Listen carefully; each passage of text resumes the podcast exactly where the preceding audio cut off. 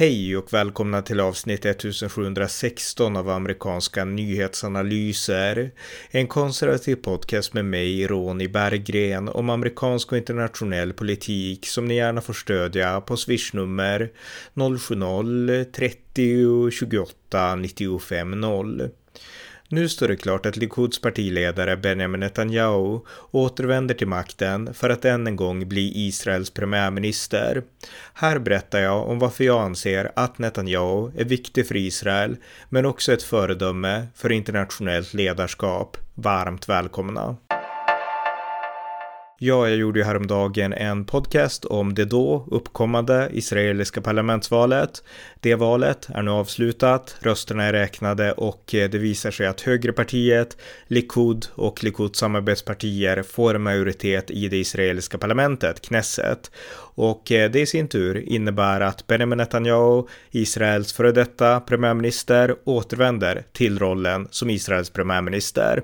Och det här är såklart en stor nyhet i världen, därför att Israel är ett viktigt land i Mellanöstern och eh, Benjamin Netanyahu är en mycket känd eh, politisk personlighet internationellt. Så av de anledningarna så har det här såklart stort nyhetsvärde och det finns många som skriver om det här, analyserar det här och eh, man behöver inte mig för att få alla analyser av det som händer i Israel just nu. Men jag tänkte göra den här podden därför att det här är också viss mån rätt personligt för min egen del. Jag har nämligen haft Benjamin Netanyahu som ett eh, personligt föredöme i politiskt tänkande sedan jag var tonåring. Eh, när jag gick gymnasiet i slutet av 1990-talet så skrev skrev jag till att börja med en, eh, ett eh, specialarbetare, hette det då, i gymnasiet. Jag gick samhällskunskap om Israel och eh, lyfte fram där då vikten av Netanyahu inte minst. Ehm, 1999, hösten där, då gick jag min första universitetskurs och där så skrev jag min första universitetssats i en A-kurs i freds konfliktlösning och den uppsatsen handlade om Israel-Palestina-konflikten och eftersom det då handlade om just att lösa konflikter så handlar det ju då om konflikten mellan palestinierna och Israel såklart. Och eh, Benjamin Netanyahu, han var, när jag skrev uppsatsen, premiärminister. När den väl kom ut så hade han avgått, men, men han var premiärminister och jag påverkades mycket av honom.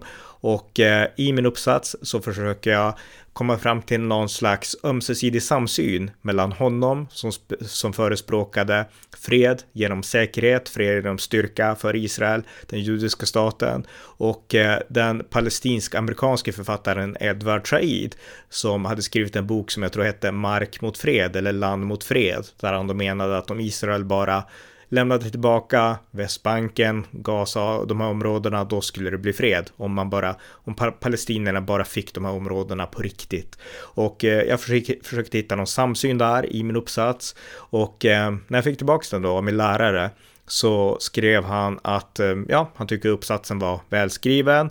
Men sen skrev han så här, min lärare på min första universitetskurs. Dina slutsatser håller jag heller inte helt med om. Du är dessutom inte konsekvent när du hyllar både Said och Netanyahu. Det är oförenliga. Sen så fortsatte han och skrev då så här med lärare. Said tror jag har mycket att säga om denna konflikt. Där har vi ett ljus i mörkret. Så min universitetslärare, han tog alltså i sin rättning av min uppsats. Ställning för Edward Said och eh, beskrev med många negativa eh, associationer Benjamin Netanyahu. Så en typisk vänsterlärare från ett typiskt vänsteruniversitet. Jag pluggar i Umeå ska sägas då. Och eh, det var den uppsats som jag, min första universitetsuppsats. Men jag brydde mig inte så mycket om det, utan eh, jag hade Benjamin Netanyahu som ett föredöme. Jag tyckte han var cool, att han var en person som hade en stark förmåga att leda.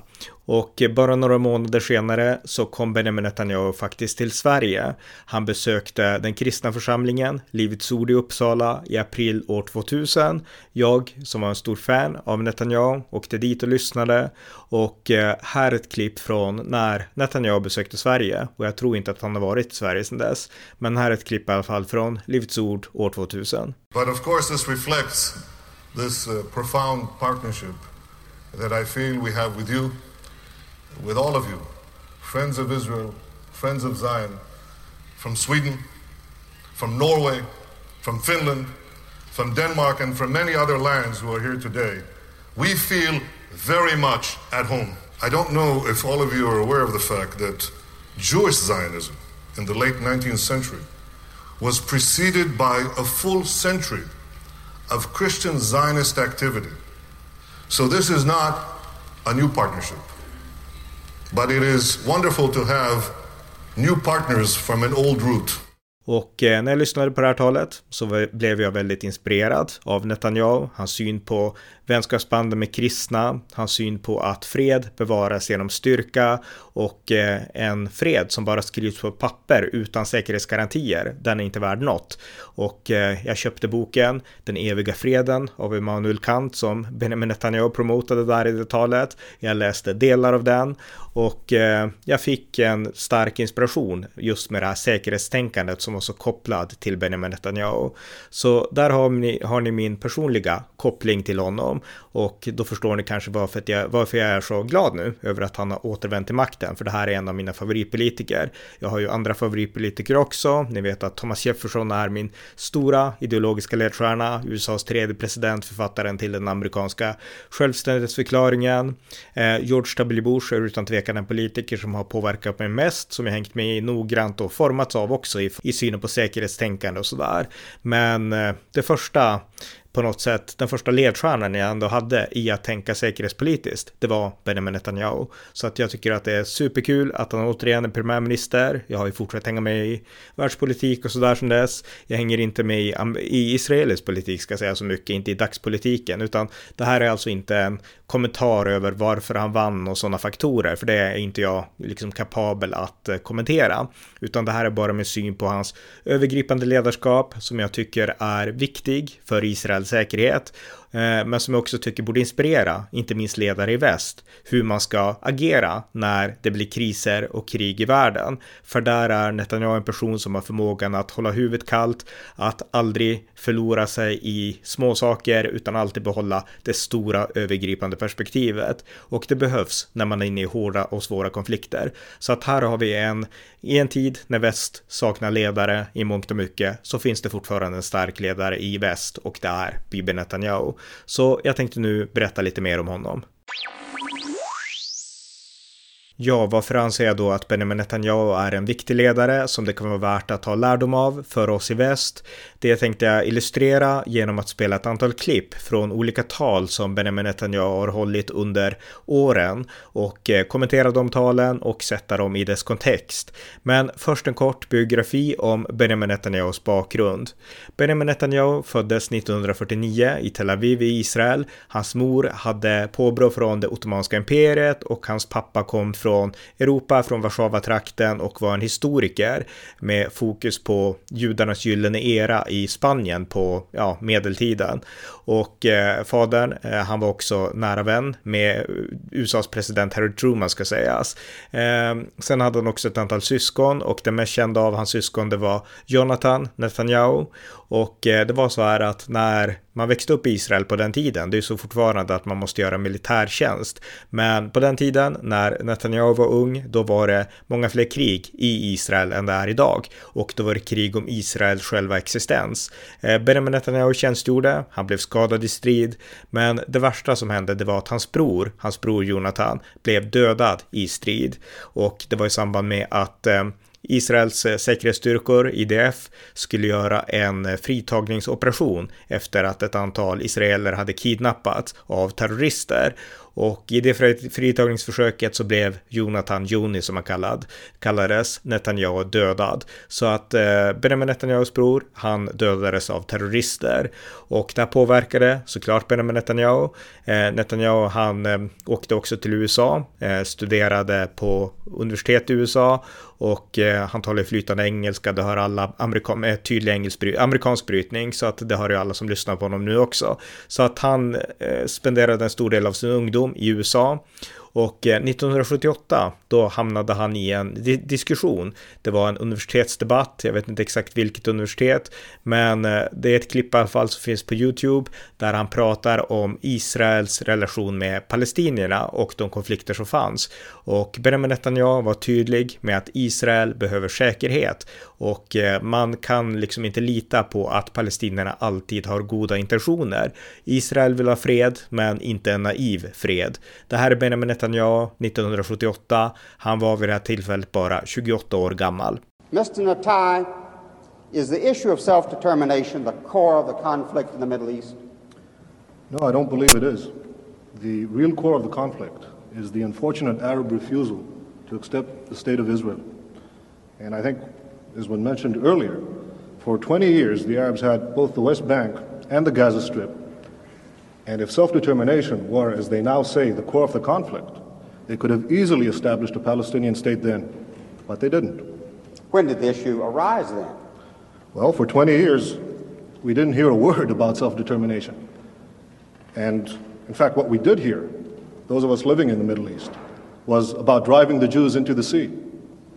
Now, after 1967, under the leadership of the PLO, the hardline strategy shifted to adopting a moderate, dressed up slogan, which uh, now talked in terms of first a secular democratic state and then replaced it with Palestinian self determination. But what this really means, contrary to what Mr. Aruri said, uh, about 1977 being a changed year in the PLO's uh, objectives, let me quote you what the PLO Information Office said in a Dutch paper in 1977, in May 5th. 77?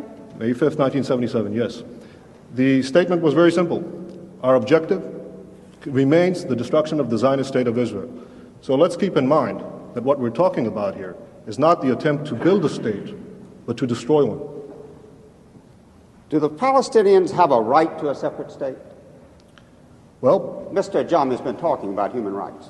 Well, I think that it's no, I don't think they do, but I think that it's quite instructive that the Palestinians who are invoking the right of uh, uh, self determination, which is, a, is an attribute for separate nations, themselves are the ones who define themselves as part of the Arab nation. Now, no one is denying that there are Palestinian Arabs. There's a very distinguished Palestinian Arab sitting right next to me. But the Palestinians themselves, in the Palestinian National Covenant, the very first article, say that the people of Palestine, quote, are part of the Arab nation. Well, let's look at the Arab nation. It has 21 states, an area roughly the size of the United States, and one sixth of the entire world's wealth.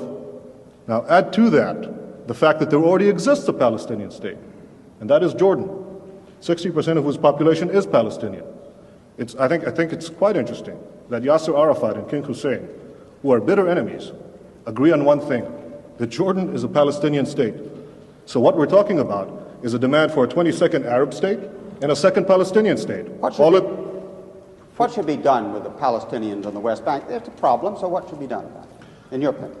well, I think that the Palestinians in the West Bank are going to be offered the full human rights, the full civil rights, as there are no Arabs are offered in the Middle East. No Arabs whatsoever have any full human rights or the right to vote for their own government. Those Arabs who lived in Israel in the pre 67 boundaries are the only Arabs in the Middle East who offer that right, and I'm all in favor of having the same Arabs living in the West Bank and the Gaza Strip being offered such a right in the final peace agreement. Can we have uh, peace in the Middle East? Very briefly, please. Yes, I sincerely hope so. Look, I'm 28 years old. I've had to defend my country in two wars and in many battles. Nobody wants peace more than Israel. But the stumbling block to the road for peace is this demand for a PLO state, which will mean more war, which will mean more violence in the Middle East. And I think, I sincerely believe, if this demand is abandoned, we can have real and genuine peace. Thank you. Mr. Natai, as someone who would say that you believe in democracy, do you believe that Israel can, can continue as a garrison state and still remain a democratic state? Mr. Ajami, either you didn't hear what I said before, or for your benefit, I'll repeat it again.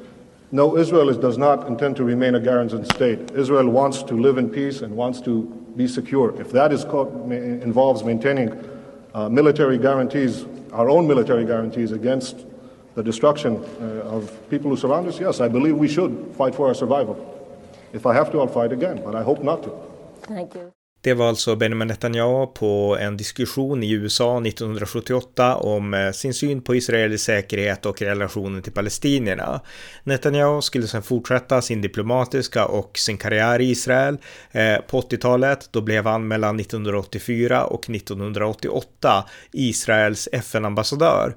Och på den tiden så lärde han känna ingen mindre än en person som hette Fred Trump, nämligen Donald Trumps pappa Fred Trump. Han blev kompis med Benjamin Netanyahu på den tiden.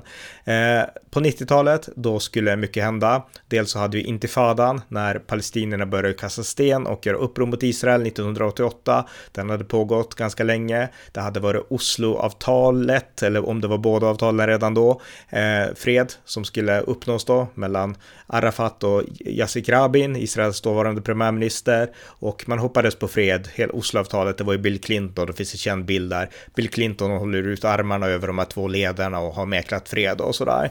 Och eh, 1996, då blev Benjamin Netanyahu Israels premiärminister för första gången. Och eh, han eh, hade då påverkats väldigt mycket av USA. Så att Benjamin Netanyahu började föra in mer amerikanskt frimarknadstänkande i Israel. Det var någonting som Netanyahu trodde på. Israel grundades ju i mångt och mycket som en socialistisk nation där 1948 och eh, de ja, årtiondena som följde. En tydlig socialistisk modell. Eh, Netanyahu förde mer in det amerikanska under sin tid som premiärminister. Men han satt bara fyra år och sen så tvingades han lämna makten då. Men under de här fyra åren, det var under min gymnasietid, så att när mitt intresse för världspolitik och så började väckas på riktigt, så att jag hängde med även under de åren. Jag minns inga detaljer eller så, men jag minns att jag intresserade mig för Netanyahu och det var det som gjorde sen att jag skrev den här uppsatsen också då, 1999 och de här fredsförhandlingarna som det diskuterades så mycket om. Eh, men han förlorade makten då och eh, då åkte han ju istället ut och pratade i världen. Som jag sa, han kom till Sverige och han gjorde många andra saker och försökte återvända till makten. Men för att göra en lång, lång historia väldigt kort så kom han till makten igen eh, 2009. Då blev han återigen Israels premiärminister. Och det var ungefär parallellt med att Barack Obama hade blivit president i USA. Obama vann ju presidentvalet 2008, svors in i januari 2009 och eh, Eh, och eh, Netanyahu fick makten några månader senare i Israel. Så att de blev ganska parallella där, Benjamin Netanyahu och eh, Barack Obama. Men de här två ledarna hade helt annorlunda syn på hur man skulle hantera konflikterna i Mellanöstern. Och de flesta amerikanska presidenter som har tillträtt, de har försökt sätta som en hög prioritet på sin utrikespolitiska agenda att mäkla fred mellan israeler och palestinier. Det har varit fokus för många amerikanska presidentadministrationer och det blev så också för Barack Obama. Och eh, Barack Obamas idé, det var att man skulle helt enkelt se till att Israel återvände till de gränser som Israel hade haft 1967. Det var ju så här att när Israel bildades 1948 så hade man fått ett visst mandat tilldelat av FN, FN-mandatet. Men det som hände sen, det var ju att de omgivande arabländerna förklarade krig mot Israel så fort Israel hade förklarat sig självständiga. Israel överlevde det kriget. Eh, arabländerna, de skramlade ihop igen, eh, påkallade ett nytt krig 1956 för att utplåna Israel. Israel överlevde där också. Men sen blev det återigen ett nytt krig 1967. Återigen en allians av arabländer som försökte utplåna Israel. Men då hade Israel existerat i ja, nästan 20 år och Israel hade hunnit bygga upp sin militär och nu var Israel starkare och Israel anföll Egypten preventivt. Man slog ut deras flygplansflotta för att de inte skulle kunna slå till mot Israel och det här blev ett framgångsrikt israeliskt krig och i det kriget så tog Israel mark av de omgivande arabländerna. Det var ett försvarskrig från Israels sida. Kriget 1967, sexdagarskriget som det kallas. Och eh, mycket av den marken lämnade man, till, lämnade man sen tillbaks i fredsavtal med Egypten till exempel. Man lämnade tillbaks eh, Sinaihalvön och sådär. Men andra delar av mark behöll man, till exempel Västbanken, till exempel Gaza, eh, till exempel eh, Golanhöjderna och sådär. Det behöll man och man behöll det av säkerhetsskäl och för att man ansåg att det här är våra mark och Jerusalem, där tog man ju också eh, sin eviga uråldriga huvudstad tillbaka. Och det här sa Israel att det här kommer vi behålla av historiska skäl, av religiösa skäl och inte minst av säkerhetsskäl, punkt slut. Och det är någonting som eh, de omgivande länderna alltid har gnällt på, alltid har klagat på och helt bortsett från att det var de som anföll Israel först i syfte att utplåna Israel. Och eh, det var någonting som, eh, som, som Israel alltså ignorerade i mångt och mycket och världen försökte väl freds, fredsmäkla men det var aldrig liksom supertydliga krav på att nu måste ni lämna tillbaka varje tumma mark för annars så händer det någonting, så var det inte. Men Barack Obama som var USAs första riktiga vänsterpresident när det kom till de här frågorna, han hade en vänstersyn på Israel. Han kandiderade 2008 som jag sa till president och då pratade han på APAC, den här israeliska amerikanska konferensen konferensen och lovade att han var vän av det judiska folket, han var vän av staten Israel. Och i viss mån så är det sant, det betvivlar jag inte. Men han hade en mycket tydligare vänstersyn på Israel-Palestina-konflikten. Alltså samma syn som Edward Said och de här vänsterpolitikerna har haft att om bara Israel lämnar tillbaka marken, det är det som är felet och som gör att palestinierna kastar sten och ägnar sig åt terrorism och sådana saker. Så om Israel bara lämnar tillbaka marken, då kommer det att gå bra. Och eh, Barack Obama borde veta att, att det inte var så enkelt därför att det hade försökts under Ariel Sharon 2005. Då hade man lämnat tillbaka Gaza, man hade tvångsevakuerat eh, mängder av bosättare, judiska bosättare från Gaza för att ge marken till palestinierna och ge dem en chans till fred. Det var Bush-administrationen som ville det här och Sharon gick med på det. Och det som hände, det var bara att Hamas kom in, de skövlade allt, förstörde saker, byggde raketramper ännu längre in, närmare liksom Liksom Israel och kunde skjuta raketer in mot det judiska folket. Så att eh, det var ett misslyckat tillbakadragande där.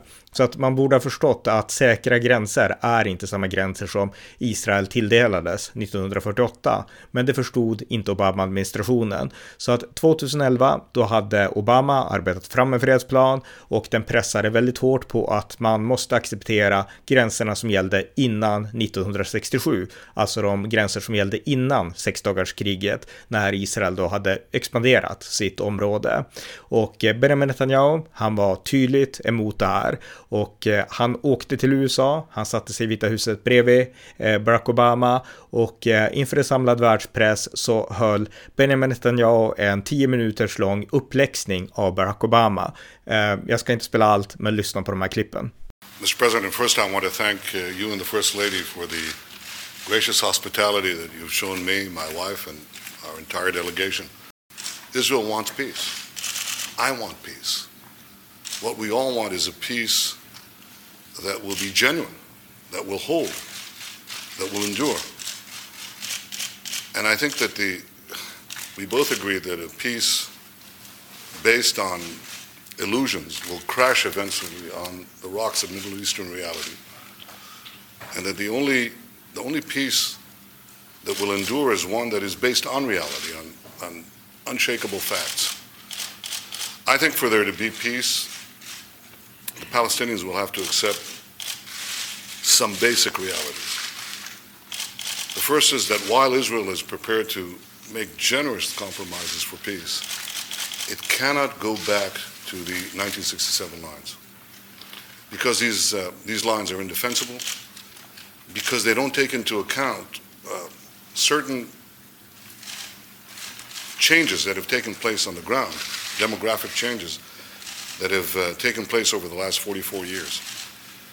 Remember that before 1967, Israel was all of nine miles wide, uh, was half the width of the Washington Beltway.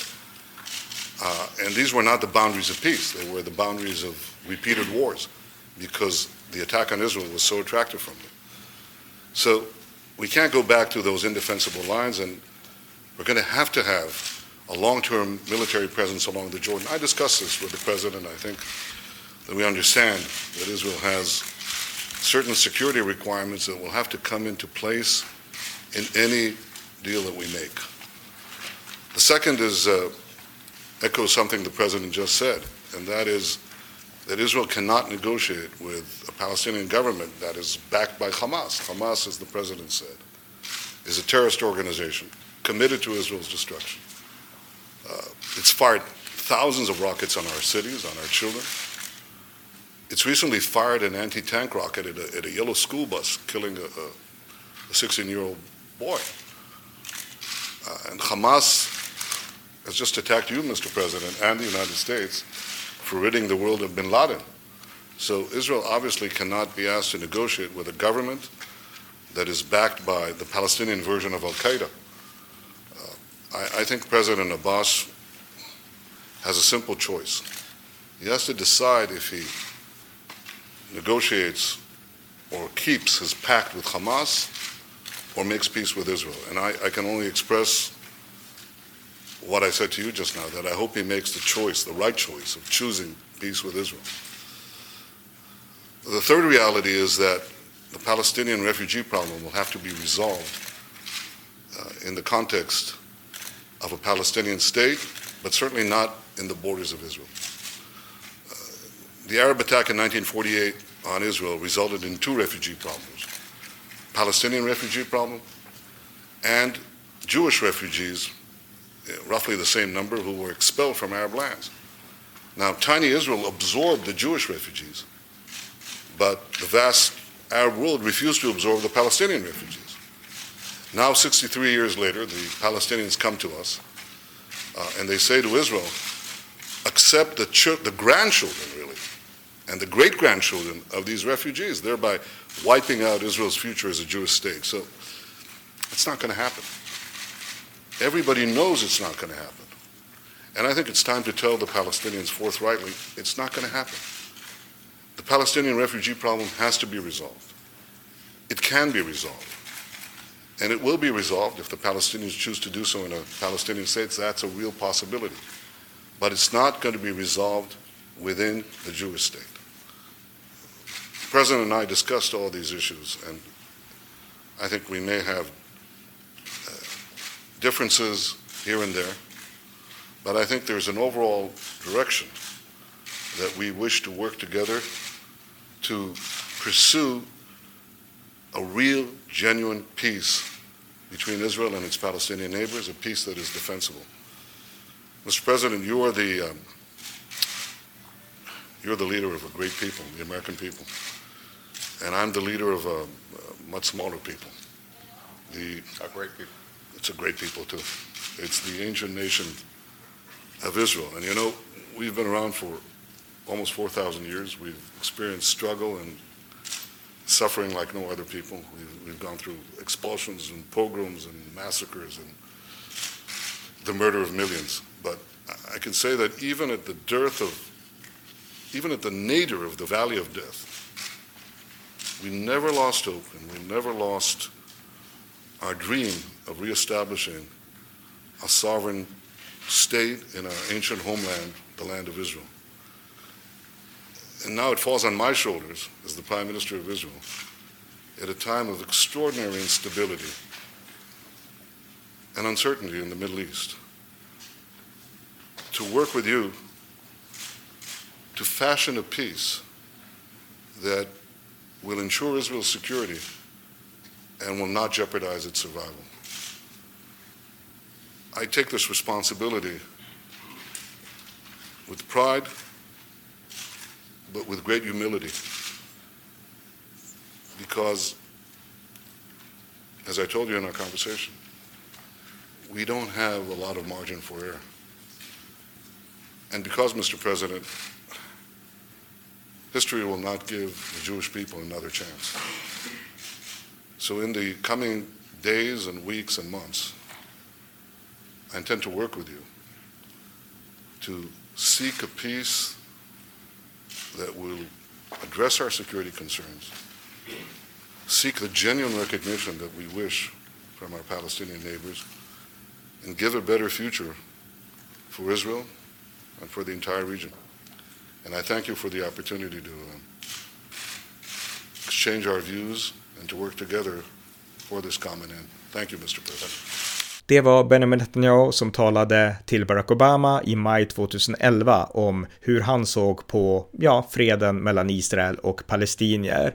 Och eh, de två kom inte bra överens. Eh, Benjamin Netanyahu är alltid trevlig och alltid liksom anständig i sitt sätt att vara och Barack Obama också ska sägas. Så att eh, det var ju inte utåt så mycket spänningar, men det fanns interna spänningar. Och eh, vid ett tillfälle så sa ju Barack Obama till Frankrikes president, eh, Nicolas Sarkozy tror jag att det var, att eh, eh, som hade gnällt då inför Obama på Netanyahu och Obama hade då sagt att jag måste stå ut med honom varje dag liksom. Så att de hade pratat bakom ryggen på Benjamin Netanyahu då.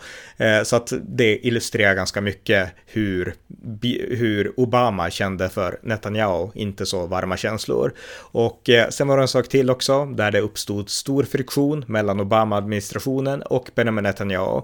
Och eh, det var när Obama ville införa ett avtal med Iran för att då, eh, som man motiverade, förhindra Iran från att skaffa kärnvapen. Ehm, det här Iranavtalet som vart så känt och som Donald Trump sen rev upp och som Joe Biden nu försöker komma tillbaka till i viss mån.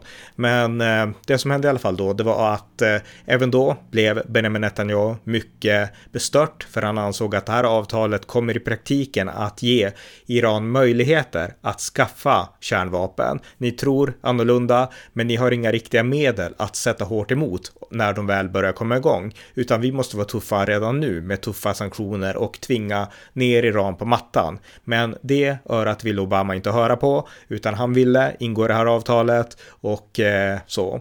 Men det som då hände, det var att republikanerna som då styrde kongressen i USA, ledd av John Boehner som republikanen hette, som var speaker of the house, han bjöd in Benjamin Netanyahu till USAs kongress att tala inför kongressen. Och det gjorde Benjamin Netanyahu i 2015, jag tror att det var i maj. Och eh, Benjamin Netanyahu sa då så här. Och kontexten till det Netanyahu nu säger som ni kommer få höra, det är dels det här avtalet med Iran som Obama-administrationen vill ha och som Netanyahu anser är ett hot mot Israels säkerhet. Men det är också Islamiska staten som då härjade på för fullt och dödade yazidier, dödade muslimer, dödade kristna och eh, som världen kunde se varje dag på tv-nyheterna när de skar halsen av journalister och liknande. Så det är också en backdrop till det tal som Netanyahu höll inför USAs kongress 2015. Lyssna på det här där jag också har bakat in mina egna kommentarer från en tidigare podd jag gjorde om det här ämnet. I want to thank you, Democrats and Republicans, for your common support for Israel, year after year, decade after decade. I know that no matter on which side of the aisle you sit, you stand with Israel. The remarkable alliance between Israel and the United States has always been above politics. It must always remain above politics because America and Israel, we share a common destiny the destiny of promised lands that cherish freedom and offer hope. Israel is grateful for the support of American of America's people and of America's presidents, from Harry Truman to Barack Obama. I resten av talet varnade han för Iran och förklarade att man inte i något avseende kunde kompromissa i fråga om målet att stoppa Iran från att utveckla kärnvapen eftersom Irans största önskan var att tillintetgöra Israel. Iran's supreme leader Ayatollah Khamenei spews the oldest hatred, the oldest hatred of anti-Semitism with the newest technology. He tweets that Israel must be annihilated. He tweets. You know, in Iran, there isn't exactly free internet. But he tweets in English that Israel must be destroyed. Han förklarade också att Iran inte var vilken stat som helst och tog som exempel upp den stora kontrasten mellan Irans författningsdokument och USAs frihetsdeklaration. America's founding document promises life, liberty, and the pursuit of happiness. Iran's founding document pledges death, tyranny, and the pursuit of jihad. Han förklarade också att i den kamp och det fokus som nu riktas mot Isis så bör Iran inte betraktas som en allierad. Det är fortfarande en fiende. The battle between Iran and ISIS doesn't turn Iran into a friend of America. Iran and ISIS are competing for the crown of militant Islam. One calls itself the Islamic Republic, the other calls itself the Islamic State. Both want to impose a militant Islamic empire, first on the region and then on the entire world. They just disagree among themselves who will be the ruler of that empire. In this deadly game of thrones, there's no place for America or for Israel. No peace for Christians, Jews, or Muslims who don't share the Islamist medieval creed no rights for women, no freedom for anyone. So when it comes to Iran and ISIS, the enemy of your enemy is your enemy. Han fortsatte sedan med att förklara skillnaden mellan Isis och Iran. The difference is that ISIS is armed with butcher knives, captured weapons and YouTube, whereas Iran could soon be armed with intercontinental ballistic missiles and nuclear bombs. We must always remember, I'll say it one more time, the greatest danger facing our world is the marriage of militant Islam with nuclear weapons. To defeat ISIS and let Iran get nuclear weapons would be to win the battle but lose the war. We can't let that happen. Så det var Benjamin Netanyahu 2015 när han varnade för ett avtal eh, med Iran. Eh, Barack Obama, han var USAs president, men han var inte med på det här talet. Han ville inte vara på plats och hedra Netanyahu. Och eh, Obama-administrationen gick ju sen in i det här avtalet och slöt det här avtalet med Iran i alla fall. Något Iran hyllade och när avtalet ingick så kunde man höra röster från Iran som ropade om att nu ska vi krossa Israel och sådär. Och man betraktade avtalet som en seger och en förnedring förnedring för USA, så det här var ett misslyckat avtal från första början. Men Obama-administrationen gick ändå in i avtalet. Eh, sen var det intressant att Netanyahu talade och varnade ändå inför kongressen, därför att det var hans tredje gång som han talade inför USAs kongress. Och det var i alla fall då bara Winston Churchill som hade talat tre gånger tidigare i egenskap av utländsk ledare inför USAs samlade kongress. Så att eh, stort av Netanyahu. Men det som hände sen då, det var ju att det kom en ny president i USA. Det var Donald Trump som vann presidentvalet 2016 och Donald Trump hade en helt annan inställning till Israel. Han var mycket mer välvillig än vad Barack Obama hade varit. Han lät flytta eh, USAs ambassad från Tel Aviv till Jerusalem för att markera då att USA betraktar, precis som Israel gör, Jerusalem som Israels huvudstad. Så att eh, det var en markering som Trump gjorde. Men det allra största som han gjorde, det var att Trump fick till det här eh, Abraham Accords, alltså fred, Abrahams fredsavtalen, eh, fick, han, eh, ja, fick han ihop tillsammans med ett antal arabländer som med tiden expanderade och med Israel. Och det här var ett helt unikt historiskt fredsavtal. Därför att som jag sa, Israel hade ju dessförinnan blivit attackerade under sin historia vid fyra stora olika tillfällen, enorma krig och en intifada från palestinierna och eh, arabvärlden hade helt enkelt försökt förinta Israel utifrån arabnationalismen som fanns, eh, panarabismen som det kallades, att arabvärlden skulle vara ett, en sekulär arabvärld, Arafat och de här, men också jihadismen som också fanns, som är mycket starkare idag ska sägas då när panarabismen i princip borta, men kvar finns fortfarande islamismen. Men eh, så att de krafterna fanns som försökte krossa Israel, så att det var en enorm fiendskap eh, historiskt från de omgivande länderna mot Israel Israel mot den judiska staten.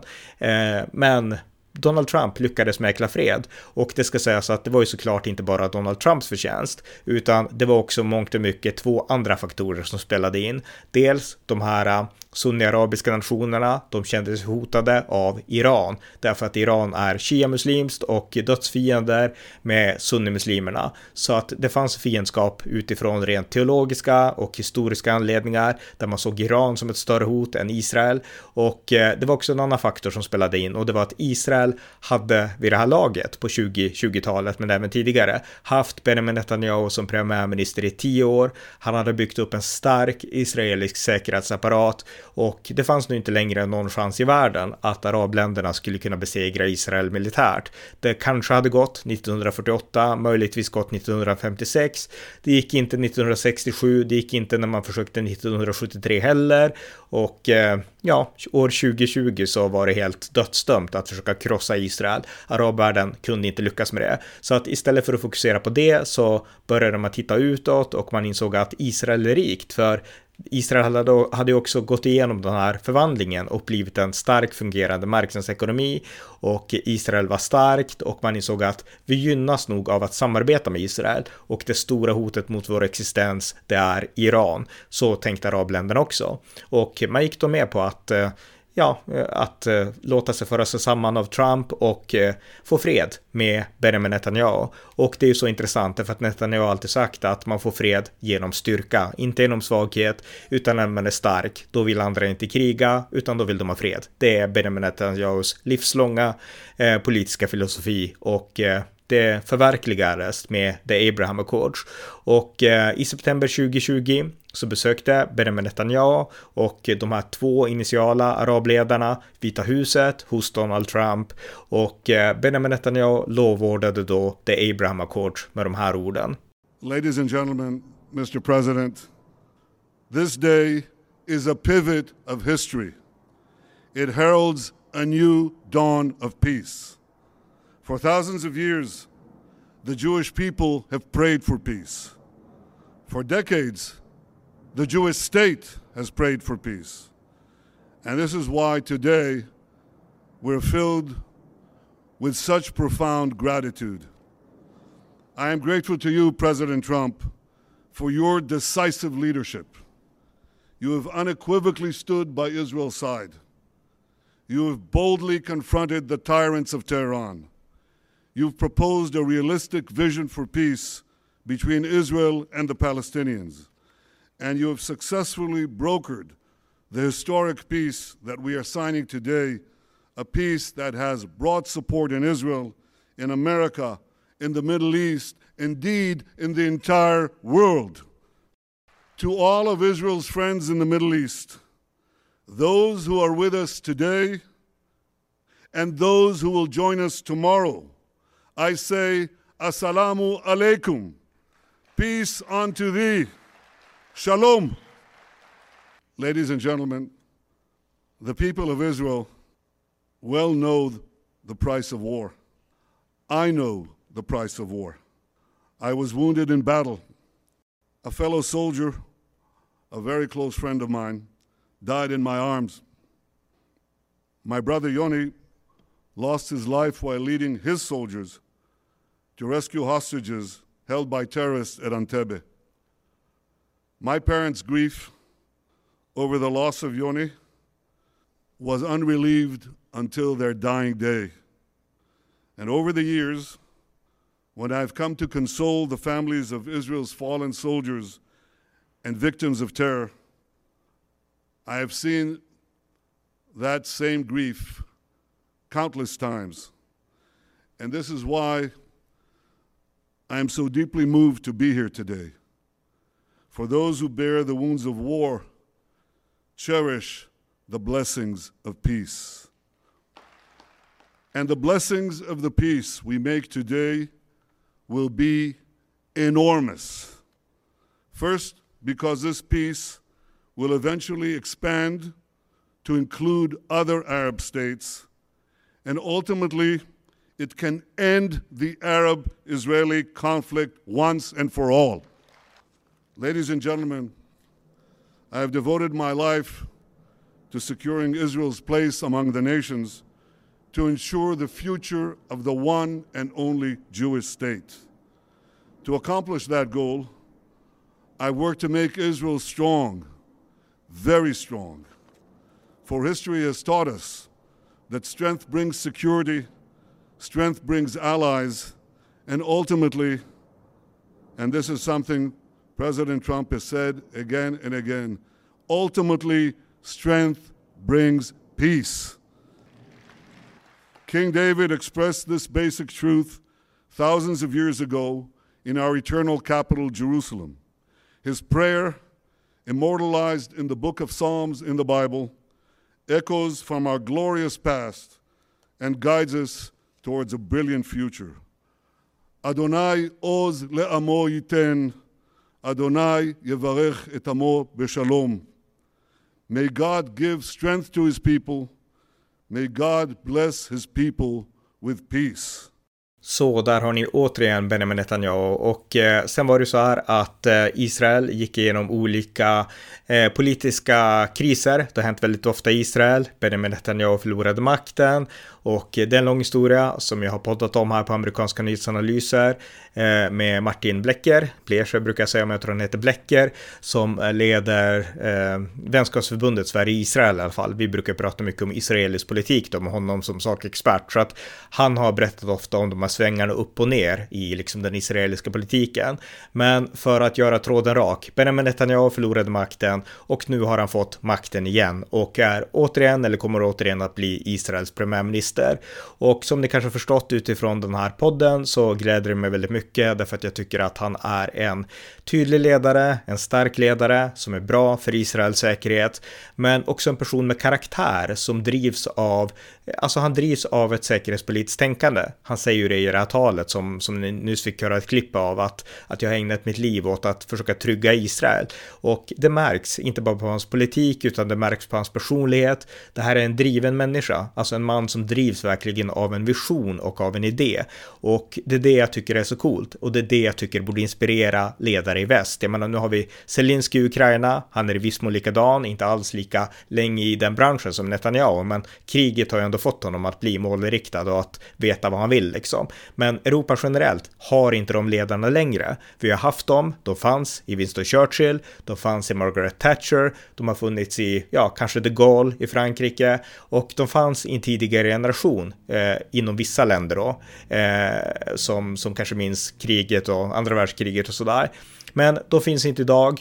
Eh, de finns inte bland en generation som eh, föddes på 50-60-talet, utan det är en generation som har tänkt på andra frågor, som har tänkt på saker som ekonomisk utveckling, miljöarbete, fredsavtal och eh, kanske möjligtvis att få till en värld där man slipper Sovjetunionens gränser som fanns då på den tiden. Det är sådana former av politiker, men det är inte säkerhetspolitiker som verkligen axlar historien. Så att Netanyahu skiljer sig verkligen från sina generationskollegor här i Europa i det avseendet. Han har haft en mycket större målmedvetenhet i förhållande till säkerhetspolitiskt tänkande.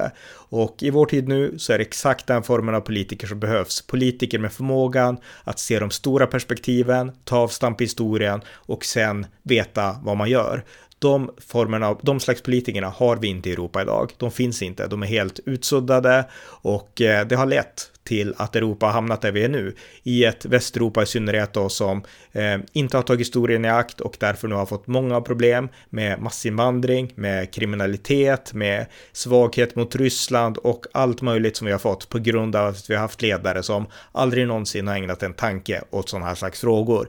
Men Benjamin Netanyahu har gjort det och det tycker jag är så häftigt med honom och eh, det gör att han verkligen är ett föredöme och eh, en person som eh, jag tycker ändå vi ska ja, glädjas åt att han återigen blev Israels premiärminister. För vi kan lära så mycket av honom, även den europeiska delen av världen, anser jag. Så att eh, det var lite om honom och varför jag tycker att han är en bra ledare. Och eh, Ja, jag tror också att han har de här ledarvisionerna och egenskaperna utifrån att han har en judisk tro. Eh, liksom hela den här judiska historien om att Israel är vårt land och vi ska förvalta landet och så. Det finns i Netanyahu och det är liksom en vision som lever i honom. Han vill skydda den judiska staten och eh, nu har han tyglarna över premiärministerskapet igen och dagspolitiken i Israel, den lämnar jag åt israeler eller åt de som är intresserade av den politiken. Men jag är mer intresserad av det historiska perspektivet och där tycker jag att eh, Benjamin Netanyahu är en utmärkt ledare för en tid som denna kan man säga. Så att det var mitt poddavsnitt om detta. Jag hoppas ni fann det intressant. Jag får återkomma med fler avsnitt framöver om politiken kring Netanyahu. Ni har lyssnat till amerikanska nyhetsanalyser, en konservativ podcast om amerikansk och internationell politik som ni gärna får stödja på swishnummer 070-30 28 95 0 eller via hemsidan usapool.blogspot.com på Paypal, Patreon eller bankkonto. Skänk om ni har möjlighet också gärna en slant till valfri Ukraina-hjälp. Återigen, tack för att ni lyssnar på amerikanska nyhetsanalyser.